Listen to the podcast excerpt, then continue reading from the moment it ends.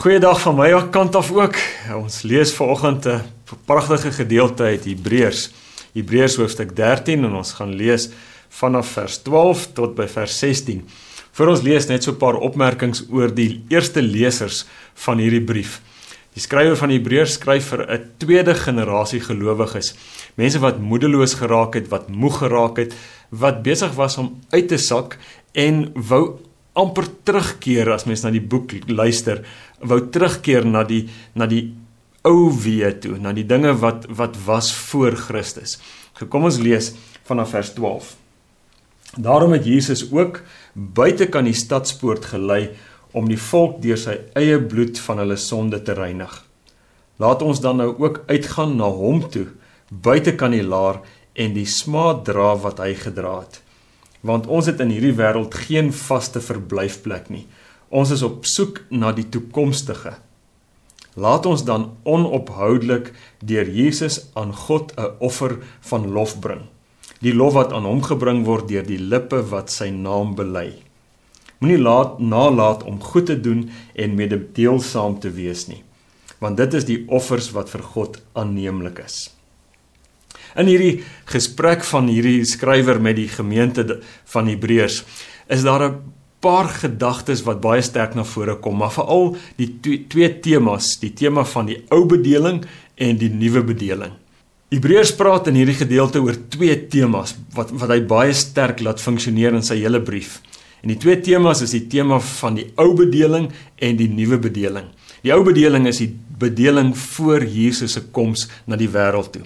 En die rede hoekom hy oor hierdie ou bedeling praat is omdat daar mense was wat wou teruggryp, gelowiges was wat wou teruggryp na hierdie ou bedeling toe. En nou sê hy nee ouens, dat 'n nuwe bedeling aangebreek. En hierdie nuwe bedeling het aangebreek met Jesus. Die ou bedeling was gebaseer gewees op offers, op die offerpraktyke van Israel, offers wat hulle moes bring om verzoening met God te bewerkstellig. En Hebreërs sê daardie bedeling is verby want Jesus het nou gekom en Jesus het 'n volmaakte eenmalige onherhaalbare offer gebring vir die sonde. So Jesus het gekom en hy het het die het die verhouding met God finaal kom herstel deur sy offer aan die kruis. En en nou nou is daar party mense wat sou sê wat Hebreërs nou sê is dat offers nou nie meer nodig is nie. Maar maar dis nie waar nie. Wat Hebreërs hier sê is nie dat offers nou oorbodig geraak het nie. Dis nog steeds noodsaaklik sê hy, maar nou het die maar die aard en die bedoeling van offers het nou radikaal verander. Dis nou nie meer offers sodat ons in sodat ons versoen kan word met God nie. Dis nie nou meer offers om ons verhouding met God reg te stel en vergifnis van sonde te kry nie. Dis nou in die nuwe bedeling sedert Jesus se volmaakte offer is dit dankie offers. As ons die offers wat wat nou noodsaaklik is, is offers van dankbaarheid, offers wat kom uit 'n dankbare hart. En Hebreërs sê daar is 3 sulke noodsaaklike offers. Hy sê eintlik daar's meer, maar maar gaan vanoggend vandag gaan ons fokus op hierdie 3 offers. 3 offers wat noodsaaklik is. En dis 'n offer, die eerste offer is 'n offer wat gebring word met ons voete. Die tweede offer is 'n offer wat gebring word met jou lippe. En die derde offer is 'n offer wat gebring word met jou hande. Hier staan in vers staan hierdie woorde ons is nou by die eerste offer die offer wat gebring word met jou voete. Daar staan laat ons dan nou uitgaan. Jou voete moet beweeg na hom toe buite kan die laar nou nou dis 'n so die eerste offer het ons gesê is 'n offer wat gebring word met jou voete. Ons moet buitekant die laar gaan na waar Jesus is. Nou wat beteken dit? Dit het te maak hier met met in die laar, die beeld wat hier gebruik word is in die laar, binne in die laar, is dit veilig en is dit gemaklik en is dit gerieflik en is dit selfs tot 'n mate voorspelbaar. En as die skrywer van Hebreërs nou sê ons moet uitgaan buite kan die laar toe, dan sê hy beweeg uit die plekke waar dit veilig is, waar dit gemaklik is, waar dit gerieflik en voorspelbaar is. Beweeg na waar Jesus is. Want die gevaar wat Hebreërs raak gesien het vir die gemeente aan wie hy skryf, maar wat ook vandag nog 'n gevaar is, is die gevaar van 'n goedkoop evangelie. Dis 'n dis 'n dis die goeie nuus van Jesus sonder die eise van Jesus. Dis die goeie nuus sonder gehoorsaamheid. Dis dis wanneer ek wanneer ek wanneer ek weet wat ek moet sê en wanneer ek weet dat ek iets moet sê in 'n situasie en vir 'n spesifieke persoon of vir vir 'n spesifieke groep mense, maar ek bly stil want ek is nie lus en ek sien nie kans vir die prys en die koste daaraan verbonde nie. 'n Goed goedkoop evangelie is as ek weet ek moet na 'n plek toe gaan, ek moet in 'n situasie instap, maar ek wil dit nie doen nie want ek is nie lus vir die prys nie. Ek sien ek sien nie kans vir die offer wat gebring moet word nie. Maar dis nie wat Jesus gedoen het nie. Jesus het het sy plek van gerief, van gemak, van veiligheid en voorspelbaarheid, sy ereplek sê Filippense in die hemel verlaat en het aarde toe gekom. Hy Hebreërs sê hy het gekom en hy het kom sterf, hy het gelei buitekant die buitekant die laar waar dit nie veilig is nie.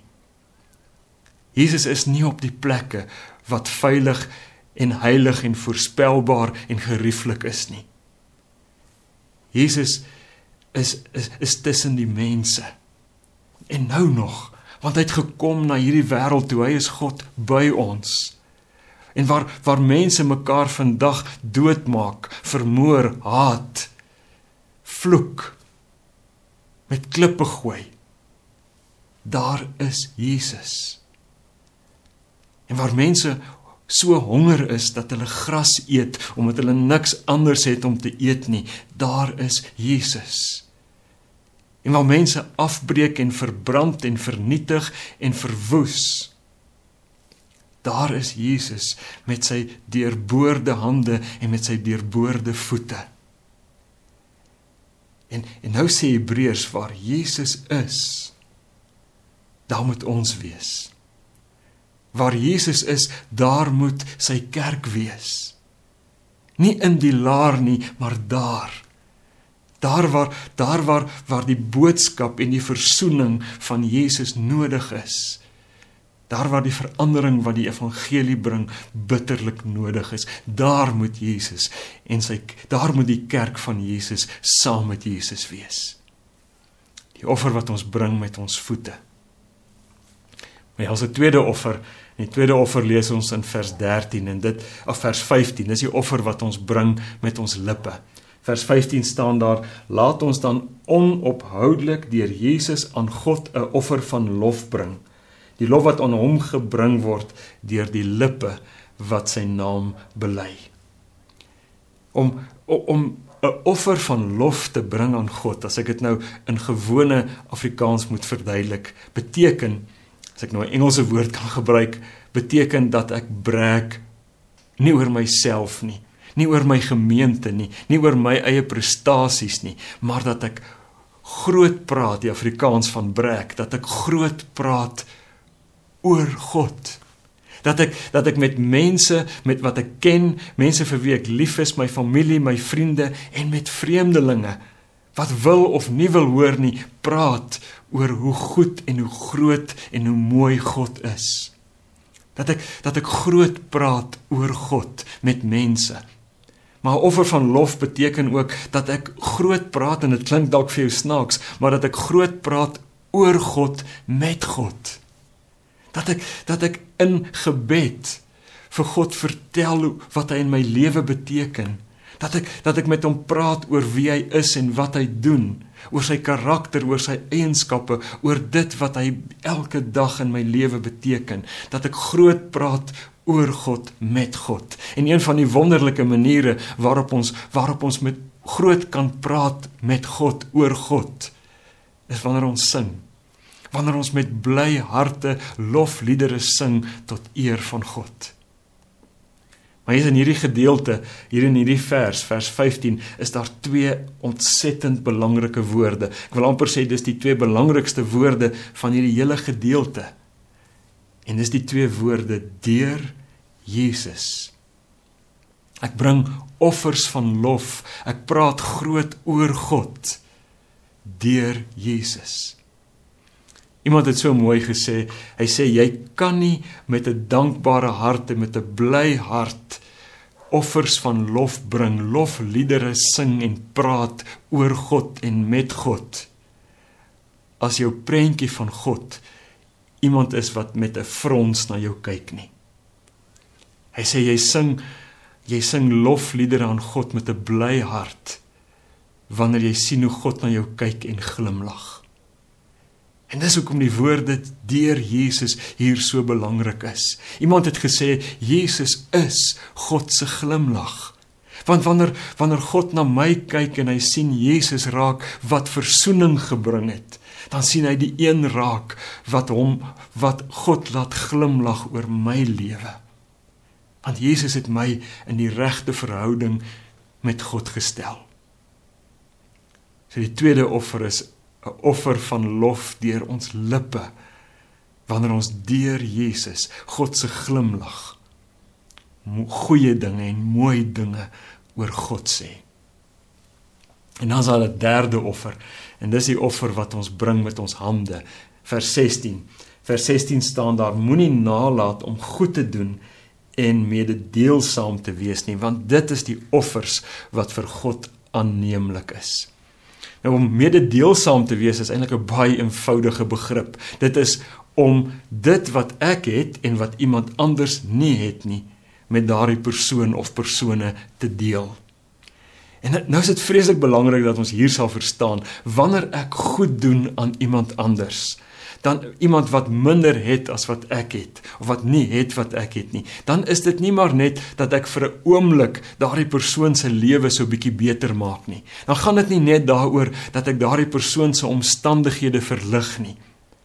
Om mededeelsaam te wees en goed te doen dis wat Hebreërs vir ons wil leer is om offers aan God te bring. As ek aan mense goed doen, as ek dan dan is ek besig om te offer met 'n dankbare hart aan God. Jakobus vat dit vat dit nog verder.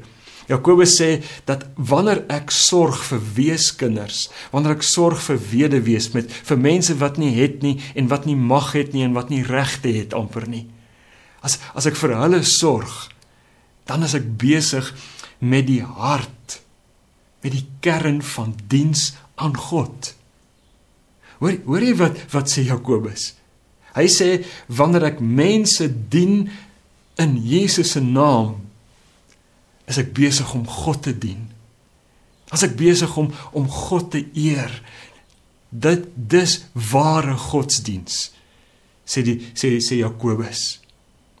En dan gaan Jesus selfs nog verder. Jesus Jesus sê as ons vir iemand wat dors is in, in op 'n warm dag 'n beker koue water gee, dan gee ons dit aan hom. As ons vir iemand wat nie wat nie klere het nie, klere gee om aan te trek, dan gee ons dit vir Jesus. Wat die goeie wat ons aan mense doen, aan die geringstes doen, dit doen ons aan Jesus. Een van die wonderlikste maniere om Jesus lief te hê is is om mense lief te hê. Is om met ons met ons hande goeie dinge te doen aan mekaar. Aan hulle wat nie het nie. Dit is die offers. Mense diens in Jesus se naam is die offers wat vir God aanneemlik is. Ons kyk vandag met dankbare harte na hierdie wêreld waarin ons leef. Want in hierdie wêreld het ek en jy die voorreg om saam met Jesus te leef. Die oproep wat ek vandag vir jou wil gee, die oproep wat ek tot jou wil bring vandag. Kom na Jesus toe. Stap die pad van die lewe saam met hom. Laat jou voete loop na die plekke toe waar Jesus is gaan ontdek die plekke waar Jesus besig is en gaan sluit by hom aan. En wanneer jy kyk en ontdek waarmee Jesus besig is, praat groot. Bring offers van lof met jou lippe aan God. Omdat jy sien wat hy in jou lewe doen en omdat jy beleef en sien wat hy waarmee hy besig is in hierdie wêreld. En moenie nalat om vir hom lief te wees met jou hande nie.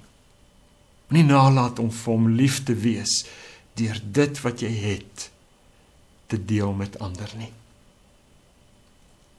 Laat ons onophoudelik dankie offers bring aan ons goeie Vader. Amen.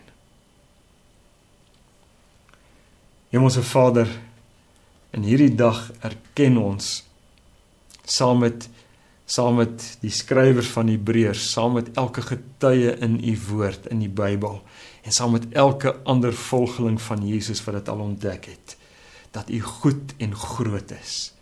Dat daar niemand soos u is nie. U is waardig om aanbid en geëer te word. U verdien al die offers wat ons kan bring. U verdien ons lewens as 'n offer. U verdien ons voete as 'n offer ons lippe en ons hande. Kom Here Jesus en reinig ons.